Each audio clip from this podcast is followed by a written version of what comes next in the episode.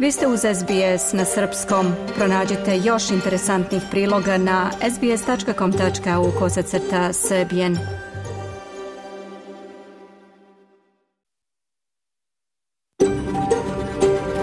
SBS, a world of difference. You're with SBS Serbian on mobile, online and on radio. Vi ste uz SBS na srpskom, na mobilnom, na internetu i na radiju. SBS odaje priznanje tradicionalnim vlasnicima zemlje sa koje danas emitujemo program na srpskom. Ovim izražavamo poštovanje prema narodu Kemrigal i njegovim prošlim i sadašnjim starešinama. Također odajemo priznanje tradicionalnim vlasnicima zemlje i svih aboriđinskih naroda i naroda sa ostrva iz Toresovog Moreuza na čijoj zemlji slušate naš program. Dobar dan, danas je subota 30. septembar 2023. Ja sam Branko Cvetojević. U današnjem programu na srpskom slušat ćete u tri australijske države stupile su na snagu nove zabrane upotrebe plastike. Uprkos tome, borci za zaštitu životne sredine zahtevaju da se učini više. U Srbiji u toku javna rasprava o nacrtu dva zakona o medijima, ali već postoji veliko razmimoilaženje između države sa jedne i novinara sa druge strane. U Beogradu je održana promocija drugog izdanja knjige Milunka Savić, Vitez Karađorđeve zvezde i Legije časti. Ovaj događaj upriličen je povodom 50 godina od njene smrti. Ostanite sa nama narednih sat vremena. Sledi pregled vesti.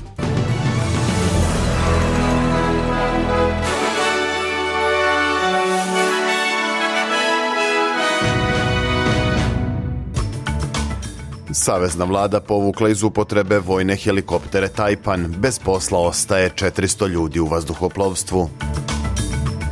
Vojska Srbije nije povećala borbenu gotovost, poručio Vučić u razgovoru s Blinkenom. Republikanci u predstavničkom domu pokrenuli istragu radi opoziva predsjednika Bajdena.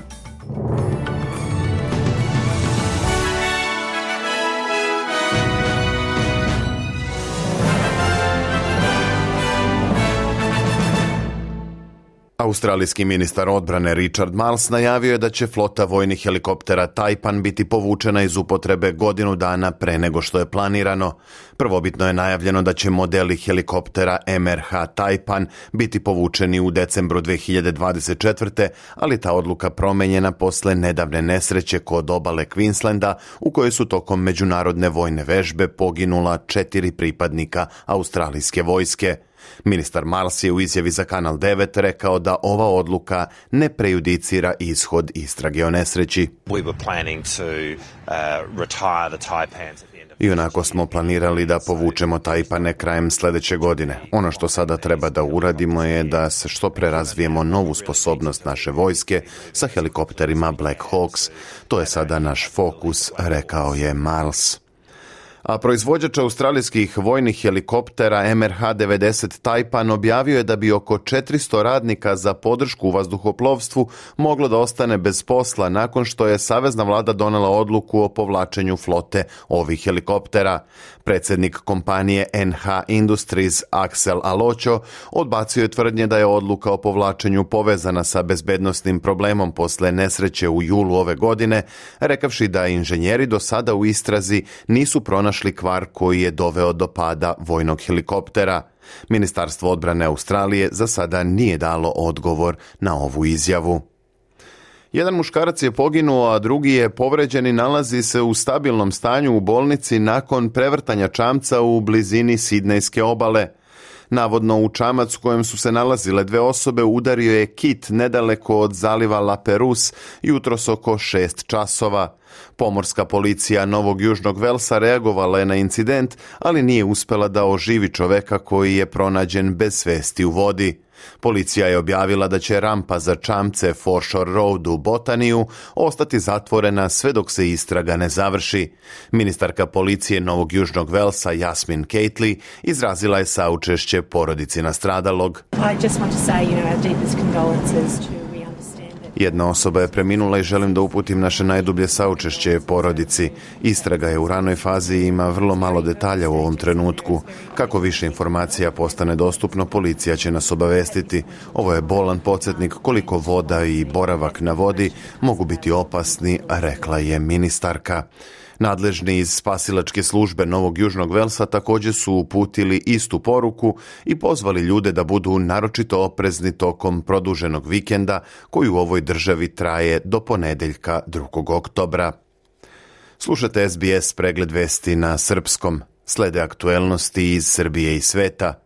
Sjedinjene američke države prate raspoređivanje srpske vojske duž administrativne linije sa Kosovom, izjavio je port parol Bele kuće za nacionalnu bezbednost John Kirby. On je na konferenciji za medije nazvao veliko srpsko vojno raspoređivanje duž granice sa Kosovom destabilizujućim razvojem događaja i pozvao Srbiju da povuče te snage i doprinese snižavanju napetosti, prenosi Reuters. Kirby je dodao da je NATO povećao svoje snage na Kosovu kao rezultat zabrinjavajućeg ciklusa nasilja na tom području. Kako prenosi glas Amerike, Kirby je naveo da kretanja srpske vojske duž granice sa Kosovom obuhvataju do sada neviđeno postavljanje napredne artiljerije, tenkova i mehanizovanih pešadijskih jedinica a predsjednik Srbije Aleksandar Vučić poručio je da nema povećanja borbene gotovosti vojske Srbije. On je izjavio da je u razgovoru sa američkim državnim sekretarom Antonijem Blinkenom negirao neistine o najvišem stepenu borbene gotovosti vojske Srbije, ističući da to nije tačno i da takvo naređenje nije dao. Predsjednik Srbije je također istakao da se u razgovoru saglasio sa američkim sekretarom da je potrebna deeskalacija i značajnija uloga kvora na Kosovu, ali da se oni Blinken nisu saglasili oko prirode onoga što se dogodilo proteklih dana, posebno o takozvanom kosovskom suverenitetu, prenosi radiotelevizija Srbije. Stvari oko kojih smo se saglasili to je da je potrebna deeskalacija, saglasili smo se da je potrebna značajno veća uloga kvora i Srbija će tu veću i značajniju ulogu kvora na Kosovu i Metohiji uvek i svakako podržati. Volili bismo čak i da je ona isključiva, posebno na severu Kosova i Metohije. saglasili smo se i negirao sam neistine u kojima govore o najvišem stepenu borbene gotovosti naših snaga, jer to prosto nisam potpisao i nije tačno. Vučić je izjavio da je najmanje jedno lice srpske nacionalnosti bukvalno hladnokrvno likvidirano nakon što se predalo. On je poručio da Srbija ima dokaze za to i da će goniti, kako je kazao, hladnokrvne ubice. Državni sekretar Sjedinjenih američkih država Anthony Blinken je u razgovoru sa predsjednikom Srbije Aleksandrom Vučićem istakao važnost deeskalacije tenzija sa Kosovom nakon nedavnog nasilja i smrti kosovskog policajca, saopštio je State Department. Blinken je istakao da oni koji su počinili napade, a koji se, kako se navodi u saopštenju, sada nalaze u Srbiji, moraju da odgovaraju. Advokat Milana Radojčića Goran Petronijević pročitao je na konferenciji za medije pismo svog klijenta u kojem se navodi da je sa grupom sunarodnika 24. septembra došao na sever Kosova i da o svom dolasku nije obavestio nikoga, uključujući i zvanični Beograd. Radojčić je naveo i da njegov povratak na sever Kosova nema veze s njegovim angažmanom u srpskoj listi i da je zato i podneo ostavku na mesto potpredsjednika ovog pokreta. On je u pismu istakao da je sa sunarodnicima 24. septembra došao na sever Kosova i Metohije sa namerom da ohrabri srpski narod u pružanju otpora Kurtijevom režimu i ostvari san o slobodi srpskog naroda. O ovome nisam obavestio nikoga, ni Beograd, ni političko rukovodstvo na Kosovu i Metohiji, jer smo imali različite stavove o pružanju otpora, navodi se u pismu koje je pročitao Goran Petronijević. Radojičić je u pismu istakao i da je Kosovo i Metohija sastavni deo Srbije i da se nasilno otima, a da se srpski narod proganja sa konačnim ciljem da se Kosovo i Metohija potpuno etnički očisti od Srba. Kako tvrdi, do stradanja kosovskog policajca došlo je slučajno, a istakao je i da su stradala trojica Srba čija žrtva neće biti zaboravljena, te je naglasio da oni nisu teroristi, nego borci za slobodu. Predsjednik Srbije Aleksandar Vučić izjavio je da pismo Milana Radojčića nije pročitao, ali da će on morati da se odazove nadležnim organima. Radojčić je u pismu potvrdio da je spreman da se odazove pozivu nadležnih. A kosovska policija uhapsila je osobu srpske nacionalnosti sa inicijalima MP zbog sumnje da je počinila krivično delo ratni zločin protiv civilnog stanovništva u Prizrenu. Protiv ovog lica podneta je krivična prijava zbog sumnja da je u septembru 1998. u naselju Hoka Mahalu u Prizrenu učestvovalo u ubistvu tri civila albanske nacionalnosti koji nisu bili vojno angažovani, navodi se u saopštenju specijalnog tužilaštva u Prištini. Po nalogu tužioca okrivljenom je određena mera policijskog zadržavanja radi upućivanja sudiji u zakonskom roku, prenosi RTS. Republikanski poslanici u predstavničkom domu Sjedinjenih američkih država pokreću istragu radi opoziva predsjednika te zemlje Joea Bidena. Na prvom saslušanju u okviru istrage detaljno se govorilo o plaćanjima iz inostranstva članovima Bidenove porodice, odnosno poslovnim projektima njegovog sina Huntera Bidena. Iako nisu pružili nikakve dokaze da je predsjednik lično imao koristi, predsjednik nadzornog odbora predstavničkog doma James Comer kaže da bi američki narod trebalo da ga pozove na odgovornost. For years, President Biden has lied Godinama je predsjednik Biden lagao američki narod o svojim saznanjima i učešću korumpiranim poslovnim šemama svoje porodice. Najmanje deset puta Biden je lagao američki narod da nikada nije razgovarao s porodicom o njihovim poslovima. Lagao je i govoreći američkom narodu da postoji apsolutni zid između njegovih zvaničnih dužnosti i ličnog života. Da budemo jasni, taj zid nije postojao, rekao je Komer. Istovremeno predsjednik Biden je pokrenuo žestok napad na bivšeg predsjednika Donalda Trumpa, označivši njega i njegov maga pokret kao pretnju demokratiji. Desetine hiljada Jermena nastavlja da napušta region Nagorno Karabaha. Više od 90.000 ljudi do sada je prešlo u Jermeniju, ostavljajući za sobom svu svoju imovinu. Azerbejdžan je prošle sedmice u 24-časovnoj vojnoj ofanzivi preuzeo kontrolu nad Nagorno Karabahom. Jermenski premijer Nikol Pašinjan kaže da ako se iseljavanje nastavi ovim tempom, neće ostati ni jedan Jermen u Nagorno Karabahu. Egzodus Jermena iz Nagorno Karabaha se nastavlja kao rezultat političke etničkog čišćenja od strane Azerbejdžana. Analize pokazuju da u narednim danima više neće biti Jermena u Nagorno Karabahu. Ovo je direktan čin etničkog čišćenja i oduzimanja otačbine, kao što smo već duže vreme upozoravali međunarodnu zajednicu. Oblast Nagorno Karabaha je međunarodno priznata kao deo Azerbejdžana, ali je naseljena većinski etničkim jermenima a filipinski predsjednik Ferdinand Marcos Junior izjavio je da će odlučno braniti teritoriju svoje zemlje. Izjava je usledila nakon što je obalna straža Filipina uklonila plutajuću barijeru koju je Kina postavila u spornom zalivu u Južnom Kineskom moru. Ovo je prvi put da je predsjednik Marcos javno govorio protiv postavljanja kineske 300 metara duge barijere koja je demontirana po njegovom nalogu. Kako kaže, on ne želi sukob, ali će nastaviti da brani vode svoje države. Ne tražimo nevolje, ali ono što ćemo učiniti je da nastavimo da branimo pomorsku teritoriju Filipina i prava naših ribara koju tim oblastima pecaju stotinama godina i ne razumem zašto bi se to promenilo. Najnovije rasplomsavanje tenzija između Kine i Filipina u Južnom Kineskom moru usledilo je nakon što je Marcos ranije ove godine dozvolio proširenje vojnog prisustva Sjedinjenih država na Filipinima. Na međunarodnom tržištu valuta jedan australijski dolar danas vredi 64 američka centa, 61 eurocent, 53 britanska penija i 71 srpski dinar i 35 para. Od sportskih vesti danas izdvajamo. U Sidneju se sutra uveče igra veliko finale NRL rugby liga šampionata Australije. Za titulu će se boriti aktuelni prvaci Penrith Panther i drugoplasirani tim iz ligaškog dela Brisbane Broncosi. Meč počinje u pola osam uveče a australijski tenisar Alex Deminor plasirao se u drugo kolo turnira u Pekingu pošto je sa 2-1 u setovima savladao britanskog veterana Endija Marija. On će u narednoj rundi igrati protiv drugog nosioca Rusa Danila Medvedeva.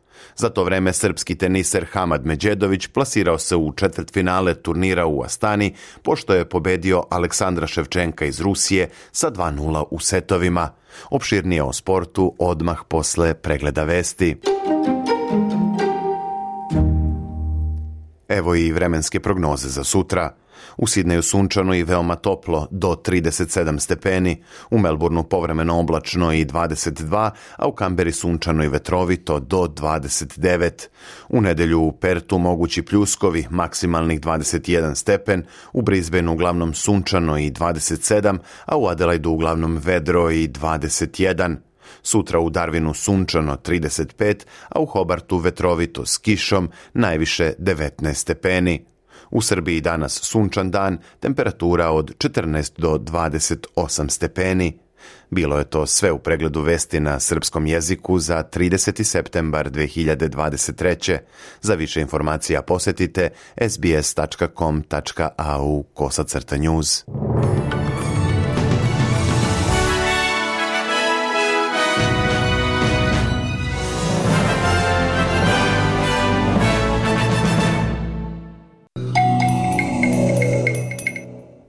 Slušate SBS na srpskom. Ljubitelji ragbija u Australiji uveliko se pripremaju za sutrašnji spektakl, veliko finale NRL lige u kojem se sastaju Penrith Panthers i Brisbane Broncosi. A trenutno je u toku ništa manje atraktivno finale EFL lige u kojem na MCG stadionu u Melbourneu igraju Collingwood Magpies i Brisbane Lions – Na početku druge četvrtine Brisbane je prešao u vođstvo i trenutno ima prednost od 31-28. Ostale sportske vesti u narednih nekoliko minuta.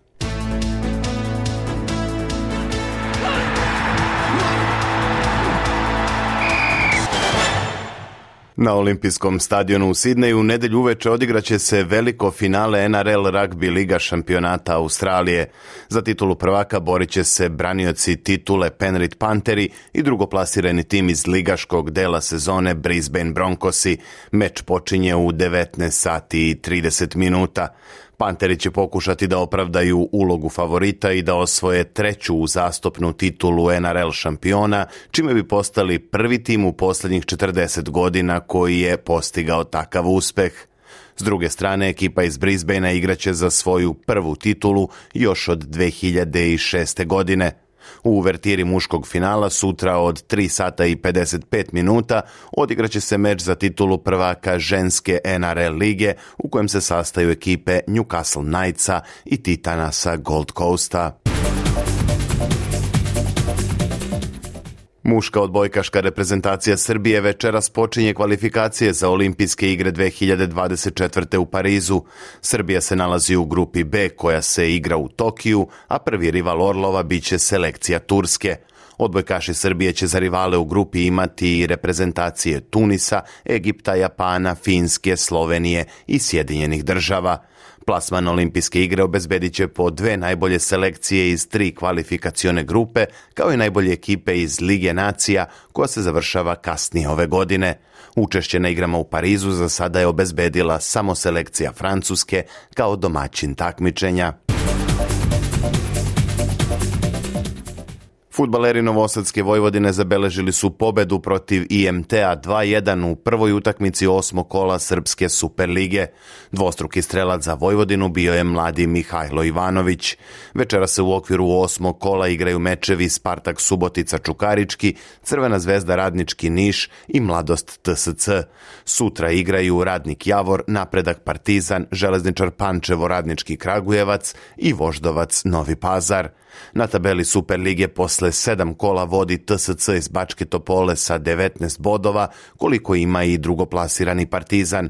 Treća je Crvena zvezda sa 15 bodova, a zatim slede Mladost iz Lučana i Vojvodina sa po 14 a futbaleri Barcelone savladali su Sevilju u prvoj utakmici osmog kola španske La Lige. Katalonci su do pobede došli autogolom nekadašnjeg igrača Real Madrida Serhija Ramosa u 76. minutu meča. Barcelona je ovom pobedom preuzela vodeću poziciju na tabeli sa 20 bodova, dok je Sevilla na 12. mestu sa 7 osvojenih poena. Srpski teniser Hamad Međedović pobedio je Aleksandra Ševčenka iz Rusije sa 2-0 u osmini finala turnira u Astani. Međedović je do triumfa došao posle samo 70 minuta igre, brejkovima na samom početku oba seta. U četvrtfinalu srpski teniser će igrati protiv Čeha Jiržija Lehečke, trenutno 29. igrača na ATP listi a španski teniser Carlos Alcaraz plasirao se u drugo kolo ATP turnira u Pekingu, pošto je pobedio Nemca Janika Hanfmana sa 2-0 u setovima. Rival Špancu u drugom kolu biće Italijan Lorenzo Musetti, koji je savladao Rusa Karena Hačanova sa 2-1. U narednu rundu lako se kvalifikovao Rus Danil Medvedev pobedom protiv Amerikanca Tomija Pola 6-2-6-1. U narednom kolu ruski as će igrati protiv Australijanca Aleksa Teminora, koji je sa 2-1 u setovima savladao britanskog veterana Endija Marija. Veliko iznenađenje u Pekingu priredio je čileanac Nikolas Hari, koji je eliminisao četvrtog nosioca turnira, Grka Stefanosa Cicipasa. SBS ogledalo aktualnih zbivanja u sportu.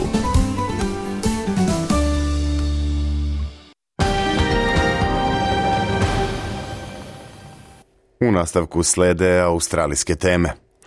Nove zabrane upotrebe plastike stupile su na snagu u tri australijske države. Istovremeno, širom zemlje se nastavlja sa izbacivanjem iz upotrebe jednokratnih predmeta od plastike. Međutim, i pored toga, borci za zaštitu životne sredine zahtevaju da vlade učine više po ovom pitanju. Prilog Sema Dovera i Cat Landers za program na srpskom priredila je Nataša Kampmark. Vi ste uz SBS na srpskom. Uvođenje novih zabrana za upotrebu plastike u Australiji trebalo bi da spreči nagomilavanje nepotrebnog otpada. Trenutno se u Australiji upotrebi više od 3 tone plastike svake godine, od čega se 85% odloži na deponije. Međutim, u tom procesu mnogo plastičnog otpada završi u vodenim tokovima. Shane Kukal, menadžer kampanje za plastiku u Australijskom društvu za zaštitu mora, kaže da postojeći programi za reciklažu plastike obuhvataju samo mali procenat plastičnog otpada. The estimates we have is that about 30% of the world's plastic is leaking out into Imamo podatak da oko 30% plastičnog otpada širom sveta odlazi u okeane, a procenjuje se da je situacija slična i ovde u Australiji. Kada to uporedite sa 13% plastike koja se reciklira, to znači da mnogo više završi u okeanima nego što se reciklira i to je veoma zabrinjavajuće, ističe on.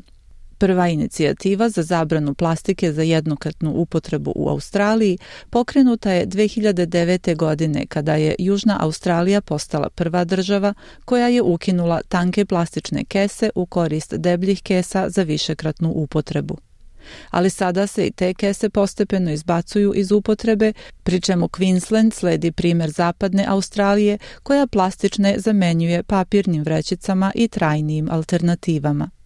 Ministarka za životnu sredinu Queenslanda, Lian Linard, kaže da će se pobrinuti da raspoložive alternative podjednako zadovolje potrebe potrošača.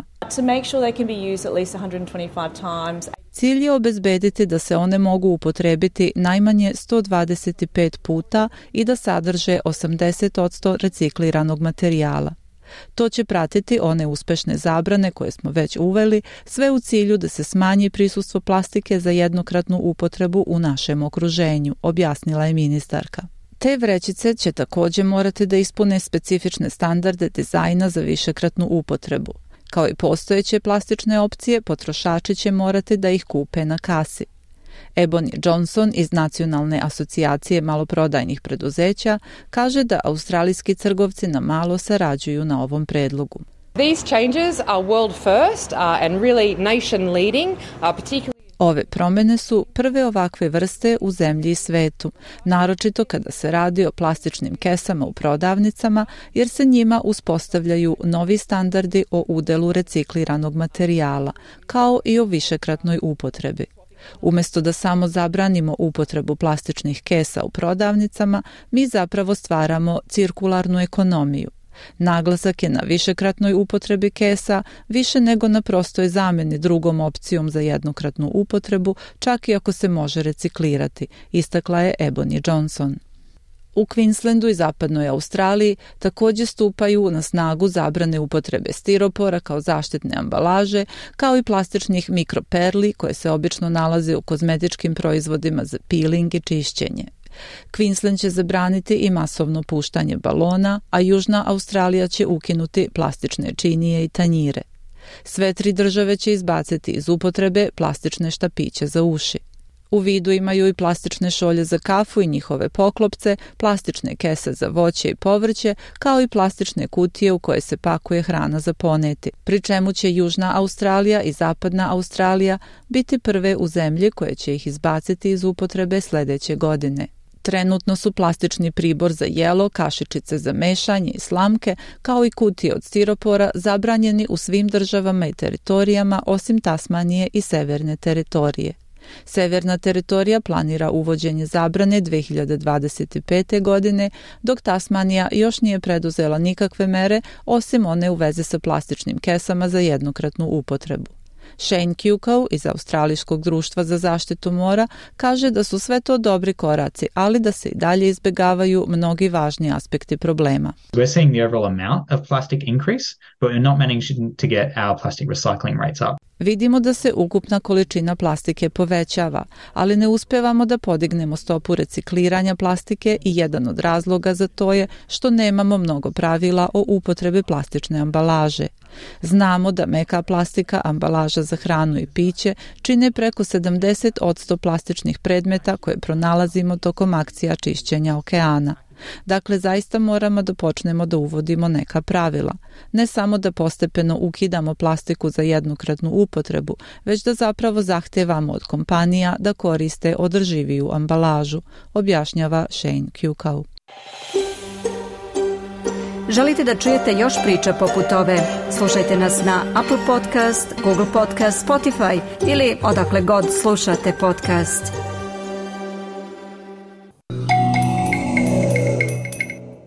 Slušate SBS na srpskom.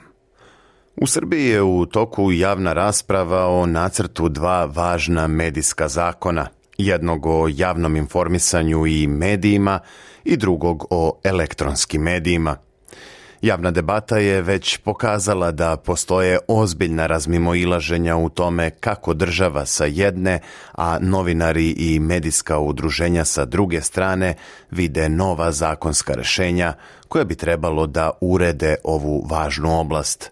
Opširnije u izveštaju Mije Nikolić. Mija, dobar dan. Prvo, recite nam šta je ministar Jovanović istakao na prvoj javnoj raspravi. A, Biljana ministar Jovanović je na prvoj javnoj raspravi istakao da ovaj veliki posao ne bi mogli da urade bez podrške novinarskih i medijskih udruženja i zahvalio se njima i međunarodnim partnerima na doprinosu u procesu izrade predloga ova dva zakona. Ovi zakoni su temelj za slobodno i odgovorno novinarstvo, zaštitu prava građana i očuvanje demokratskih vrednosti, rekao je on. Mm. Šta kažu u novinarskim krugovima na to? Predstavnici medija i novinari cenjuju da je Savet za štampu jedan od najvećih nedostataka nacrta zakona o javnom informisanju i medijima. Član 24 tog zakona nazivaju skandaloznim jer je kako ističu u potpunosti promenjen mesecima nakon prestanka rada radne grupe koja je pisala nacrt i uprkos postignutom dogovoru sa vladom. Šta je Savet u stvari tražio od vlade Mija? Savet za štampu je prethodno tražio da se uvaži pravilo da se budžetska sredstva dodeljuju samo onim medijima koji ne krše profesionalne standarde. Aktuelnim predlogom zakona predviđeno je međutim da se budžetska sredstva dodeljuju svim medijima, bez obzira na to da li priznaju nadležnost Saveta za štampu ili ne. Ipak ukoliko mediji priznaje nadležnost tog saveta, a napravio je prekršaj, ne ostvaruje pravo na budžetska sredstva stoje u nacrtu. Ivana Stevanović iz fondacije Slavko Ćuruvija kaže da je ideja bila da mediji koji neprekidno promovišu nasilje, šire govor mržnje, etiketiraju neistomišljenike vlasti, krše kodeks i profesionalne i etičke standarde, a time i zakone ove zemlje, budu onemogućeni za finansiranje novcem poreskih obveznika. Mi smo sada došli u situaciju da mediji koji ne priznaju Savet za štampu i koji sve navedeno rade, zapravo bivaju nagrađeni, odnosno ne moraju da dokazuju poštovanje kodeksa. Istovremeno oni koji se trude da rade profesionalno imaju taj uslov da dokazuju da li im je izricana mera od strane Saveta za štampu, navodi Stevanović. Druga ključna primetba odnosi se na odredbu zakona koja se vezuje za vlasničku strukturu medija. Neočekivanim obrtom pred sam kraj angažovanja radne grupe koja je radila na nacrtu zakona o javnom informisanju i medijima i u suprotnosti sa sobstvenom medijskom strategijom država je odlučila da ipak ne želi da izađe iz vlasničke strukture medija. Odjednom suprotno medijskoj strategiji i opredeljenju države da napusti vlasništvo u medijima, mi sada imamo praktično predlog povratka države u medije. Pre svega se to odnosi na legalizaciju situacije u kojoj se nalazi Telekom, čiji je većinski vlasnik država, a nalazi se zapravo u situaciji suprotnoj zakonu već duže vreme, a to je da osniva svoje medije. To je nešto što sada praktično poništava čitav proces koji smo mi imali prethodnih deset godina, objašnjava ona. Telekom, pomenu ste, osniva svoje medije. Koji su to mediji? Podsjetite nas.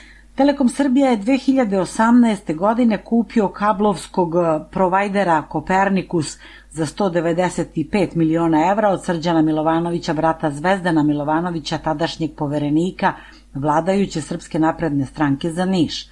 Brojna medijska udruženja, opozicije i kritičari vlasti su tada ovaj potez ocenili kao transakciju koja ima za cilj da se Milovanoviću obezbede sredstva za kupovinu dve televizije sa nacionalnom frekvencijom TV1 i B92, što se i dogodilo mesec dana kasnije. Poslovanje kompanije Telekom našlo se i u poslednjem izveštaju Evropskog parlamenta o Srbiji.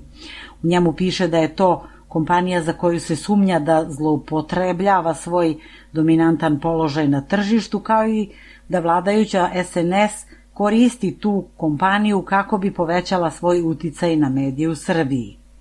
Većinski vlasnik Telekoma Srbija je Republika Srbija sa 58,11% udela u vlasništvu.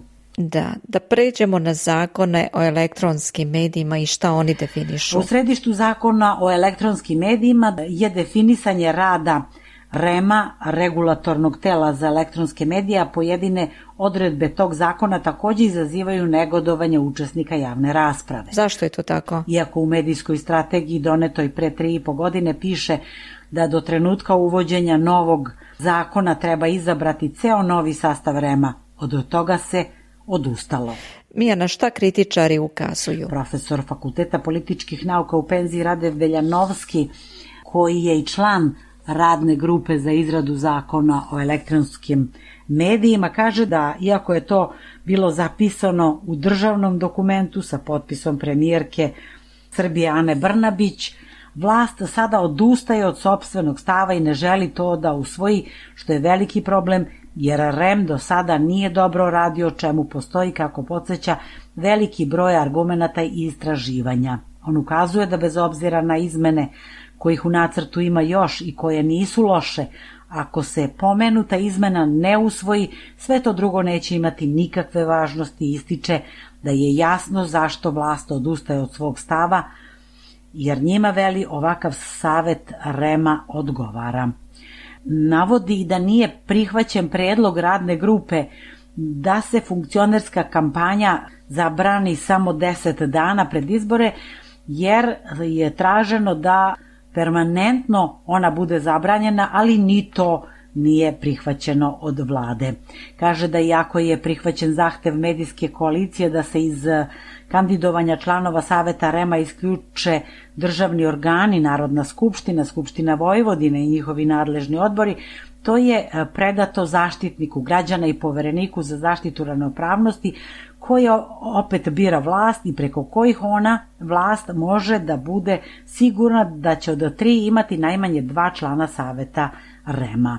U zakon je Objašnjava Veljanovski ušla i odredba po kojoj su kriterijumi za članove Saveta Rema mnogo stroži, precizniji, vezano za stručnost i najmanje 10 godina iskustva u elektronskim medijima, ali on ističe da iako njih ne ispunjava niko iz sadašnjeg Saveta Rema, oni, to jest vlada, hoće da se usvoji zakon sa tim strogim kriterijumima, a da ostane isti sadašnji savet, što je kako naglašava potpuno kontradiktorno. U tekstu može li medijska slika biti još gora, novi predlozi zakona kažu da može, istinomer navodi da a, ako ovi predlozi budu usvojeni ovakvi kakvi jesu, a dosadašnji postupci ove vlasti govore da će upravo tako i biti, onda će se dodatno učvrstiti pravo tabloida da lažu i kleveću na naslovnim stranama i da za takvo ponašanje dobijaju novac svih građana.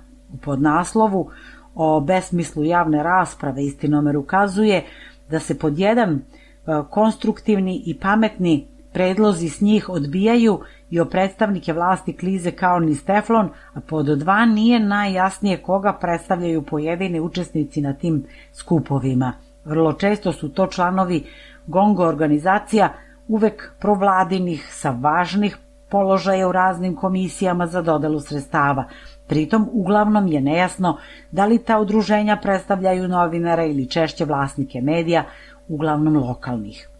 Istinomer prenosi ocene Tamare Filipović iz Nunsa i Gordane Konstantinović, advokatice iz Unsa, da je odredba po kojoj će mediji koji nisu prihvatili nadležnost Saveta za štampu moći potpuno nekažnjeno da krše etički kodeks i dobijaju novac iz budžeta, neprihvatljiva i diskriminatorska.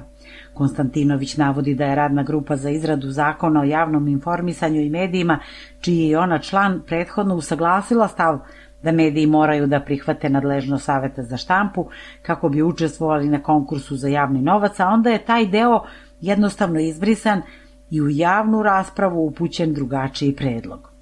Paradoks je što ispada da UNS, ANEM i Koalicija za slobodu medija brane akt vlade, akt koji je potpisala Ana Brnabić, a ministarstvo sada tvrdi da je ocena Saveta za štampu ko krši kodeks i zakone odjednom neustavna, kaže advokatica Udruženja novinara Srbije. Dnevnik danas, sumirajući predložene izmene, navodi da će Savet za štampu imati dekorativno svojstvo, jer njegove odluke neće biti obavezujuće niti uticati na raspodelu sredstava na medijskim konkursima. Šta više, informeri Srpski telegraf i ne priznaju Savet za štampu, što ih nikada nije sprečavalo da u izveštavanjima krše zakone i kodeks novinara Srbija, da pritom dobijaju najviše sredstava, to jest milione iz državnog i lokalnih budžeta na konkursima za projektno sufinansiranje. Što se tiče zakona o elektronskim medijima i glavne primetbe o sastavu REMA, koji će izgleda ostati isti, navodi se da o njegovom radu najbolje govori podatak da je aktuelni savet REMA od 2021. do danas izrekao svega četiri mere, a tokom 23. nijednu, a nelegalno je dodelio, to jest obnovio nacionalne dozvole televizijama prošle godine, zbog čega su pokrenute dve tužbe pred Ustavnim sudom. U zaključku se naglašava da ministarstvo menja odredbe na koje je pristalo u martu ove godine kad je delovalo da su stavovi usaglašeni, a samo nekoliko meseci kasnije, na kraju dve godine dugog procesa izrade nacrta izmena, ova dva zakona, za državu su te usaglašene izmene postale sporne, iako se one nalaze i u akcionom planu za primenu medijske strategije koju je država usvojila 2020. godine. Studio I toliko za danas. Hvala Mija. Bila je to naša saradnica iz Srbije, Mija Nikolić. Ja sam Biljana Ristić, slušajte program na srpskom. SBS na srpskom. Podelimo priče na Facebook stranici.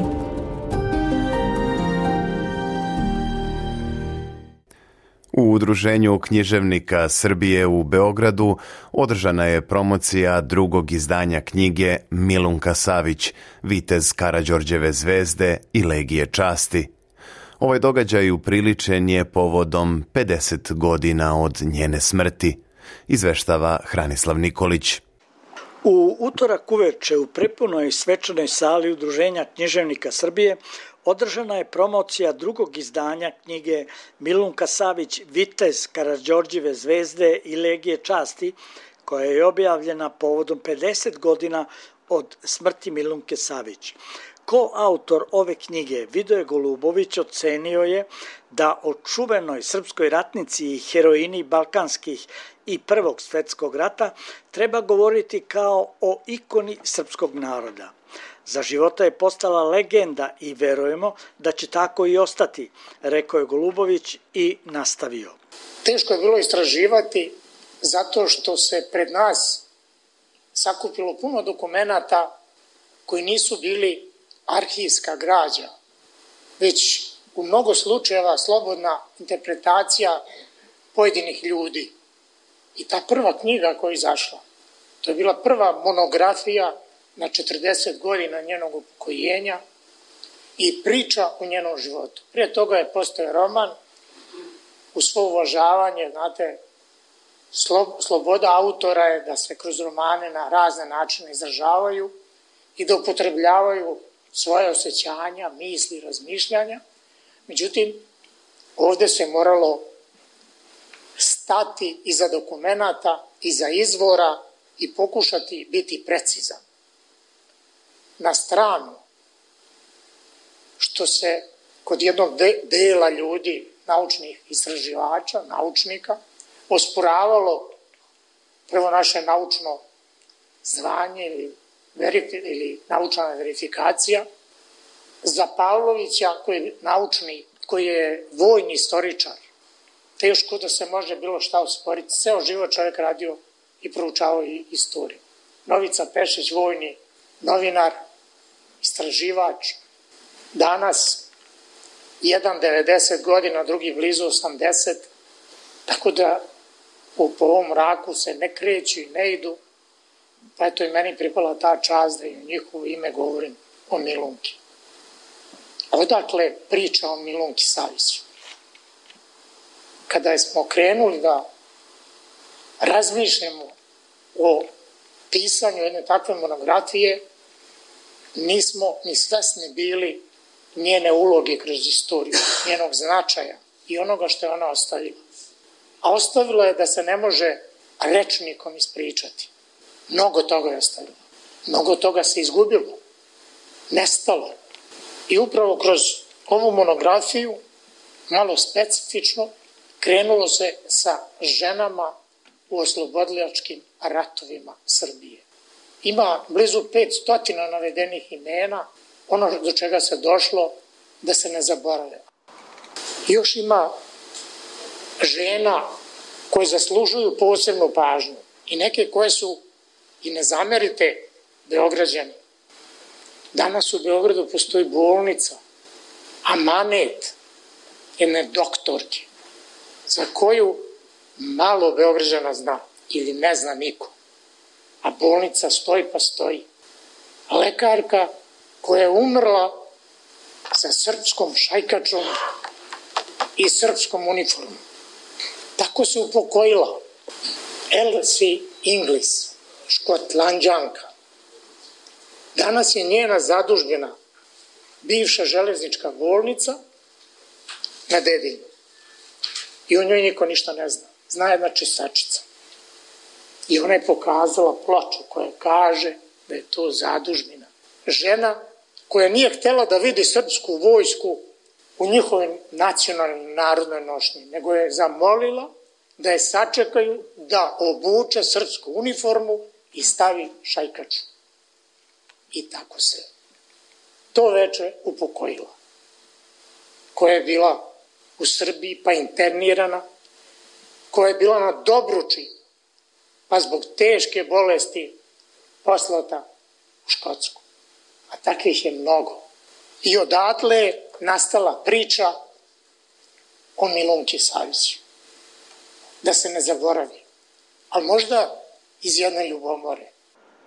Milunka Savić se kao dobrovoljka borila u Balkanskim i Prvom svetskom ratu od 1912. do 1918. godine i bila je primer smelosti i junaštva, ne odustajući ni posle ranjavanja, već se nakon oporavka iznova vraćala u borbeni stroj.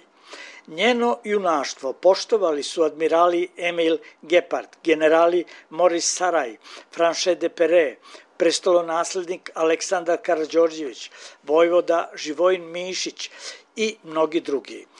Milunka Savić je tek 40 godina posle smrti sahranjena u Aleji Velikana. Promociji koju su organizovali Prometej i zavičajno udruženje Rašana prisustvovali su književnik Milisav Savić, državni sekretar u Ministarstvu za rad, boračka i socijalna pitanja Zoran Antić i drugi ugledni gosti, a nekoliko kosovskih pesama otpevala je Aleksandra Đorđević. Knjigu o Milunki Savić napisali su Vidoje Golubović, Novica Pešić i Predrag Pavlović. Iz Beograda za SBS Hranislav Nikolić. Vi ste uz SBS na Srpskom. Kao i svake subote, u narednim minutima čućemo epizodu iz serijala o pravilima srpskog jezika. Srpski na srpskom preuzimamo od dramskog programa Radio Beograda.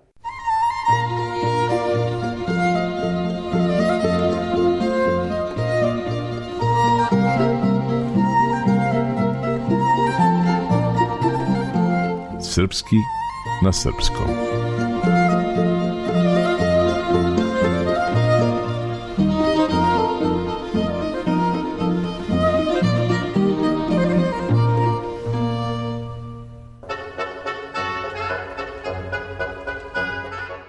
U raznim istraživanjima tvrdi se kako je važno da imamo barem jedan hobi. Hobi nam pružaju priliku da izrazimo svoju kreativnost i daju nam osjećaj ispunjenosti. E pa moj najdraži hobi je kuvanje. Doduše, više volim da gledam druge kako kuvaju i zato nedeljom pratim emisiju jednog vrstnog regionalnog kuvara koji uvek sprema lepa jela. Jednom sam po receptu iz te emisije ispekla najukusniji burek sa sirom.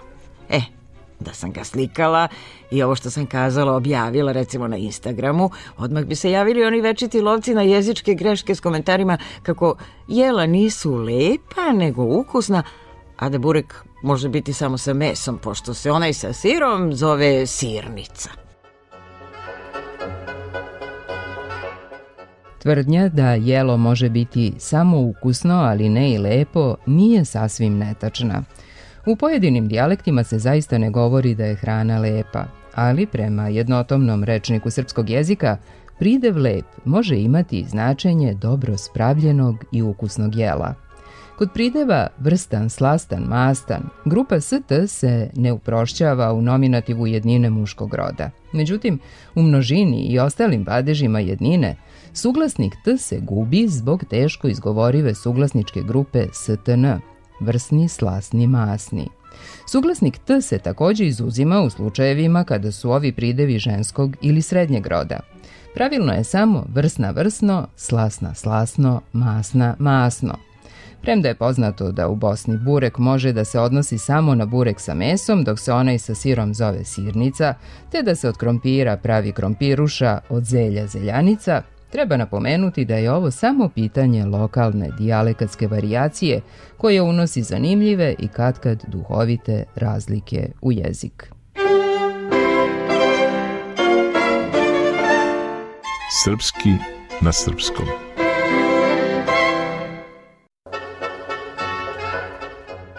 Još uvijek ne mogu da objasnim nekim ljudima da burek u Srbiji može da bude sa svim i svačim. Uostalom i nije toliko bitno sa čim je dogod je mastan i slastan.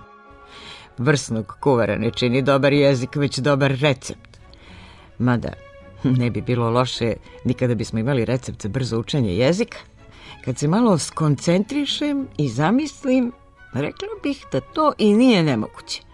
Mogli bismo da pomešamo malo pravopisa i gramatike, da dodamo prstohvat jezičke semantike i da začinimo funkcionalnim stilovima po izboru. Onda da sve to dobro zamutimo, ispečemo i serviramo ljudima, pa da budemo i siti i pismeni. Da li se možemo skoncentrisati ili samo koncentrisati? Neko bi odmahnuo glavom u znak protesta uz opravdanje da se ne možemo skoncentrisati jer ne postoji skoncentracija, što svakako ima smisla. Ipak ovom logikom ispada da svaki glagol mora da ima glagolsku imenicu, a ako je nema, s tim glagolom nešto nije u redu. Činjenica je da je glagol koncentrisati se dvobitski, što znači da može biti i svršen i nesvršen, pa realnu potrebu za glagolom skoncentrisati se i nemamo. Međutim, on je toliko rasprostranjen u našem jeziku da ga nema smisla proterivati iz njega. Sa tim su se složili leksikografi, o čemu svedoči i odrednica skoncentrisati se u rečniku srpskog jezika uz napomenu iz pravopisa Matice Srpske da je ipak bolje reći koncentrisati se nego skoncentrisati se.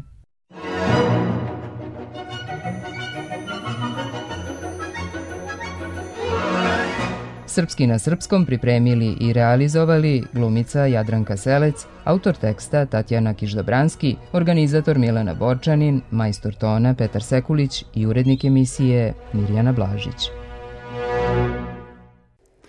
A nakon serijala Srpski na srpskom koji preuzimamo od dramskog programa Radio Beograda, donosimo i prilog pod nazivom Učite engleski uz SBS. Današnja epizoda namenjena je ljudima sa srednjim nivom znanja engleskog. Posle slušanja možete proveriti svoje znanje rešavajući kviz na našem sajtu sbs.com.au kosacrta srbijan. Uz podcaste SBS Learn English možete pronaći i transkript teksta svake lekcije, kao i listu specifičnih reči i izraza. SBS Learn English će vam pomoći da bolje govorite, razumete i da budete bliski svom okruženju u Australiji. Learning English helped me to buy a house. I'm sure we could agree that it would be nice to own a house. In today's episode, we'll practice questions and phrases we could use when we are house hunting. House hunting is a process of searching for a new home or property to buy or rent. Now, let's go practice some questions that could be useful when buying a property. What is the reserve price for the property? The reserve price is the minimum amount that the seller is willing to accept for the property at an auction. It's also useful to know if the property has any structural issues physical problems with the building or if a property has any legal disputes. Legal disputes are disagreements which may result in legal action. So, you could ask Are there any issues I should be aware of? Structural issues or legal disputes? Moving on. For the next question, we need to know about the settlement period. The settlement period is the length of time between the exchange of contracts and the time when the sale is completely final. In Australia, this period is typically between 30 to 90 days. So, you could ask What is the settlement period? And are there any other conditions that need to be met before settlement? You might also request to look at any reports that have been done on the property. That is, any building inspections or valuations.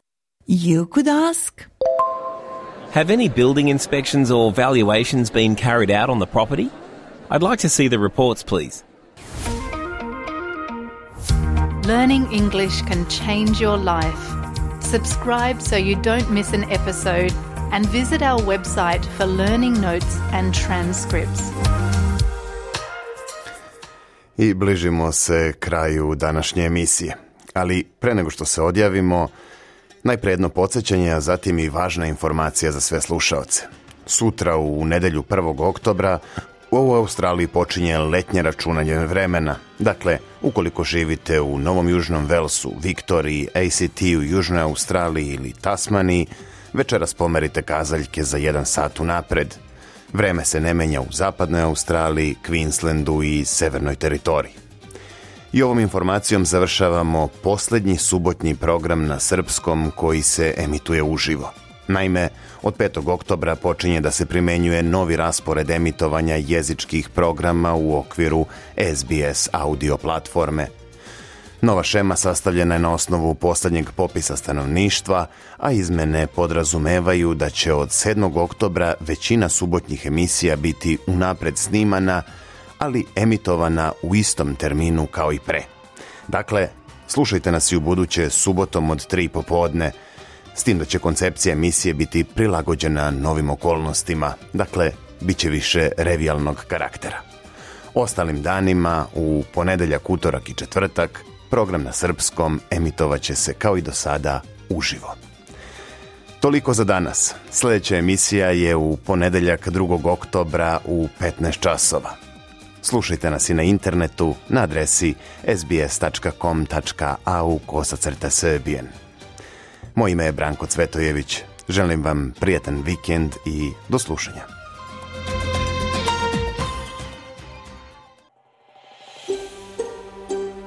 Želite da čujete još priča poput ove? Slušajte nas na Apple Podcast, Google Podcast, Spotify ili odakle god slušate podcast.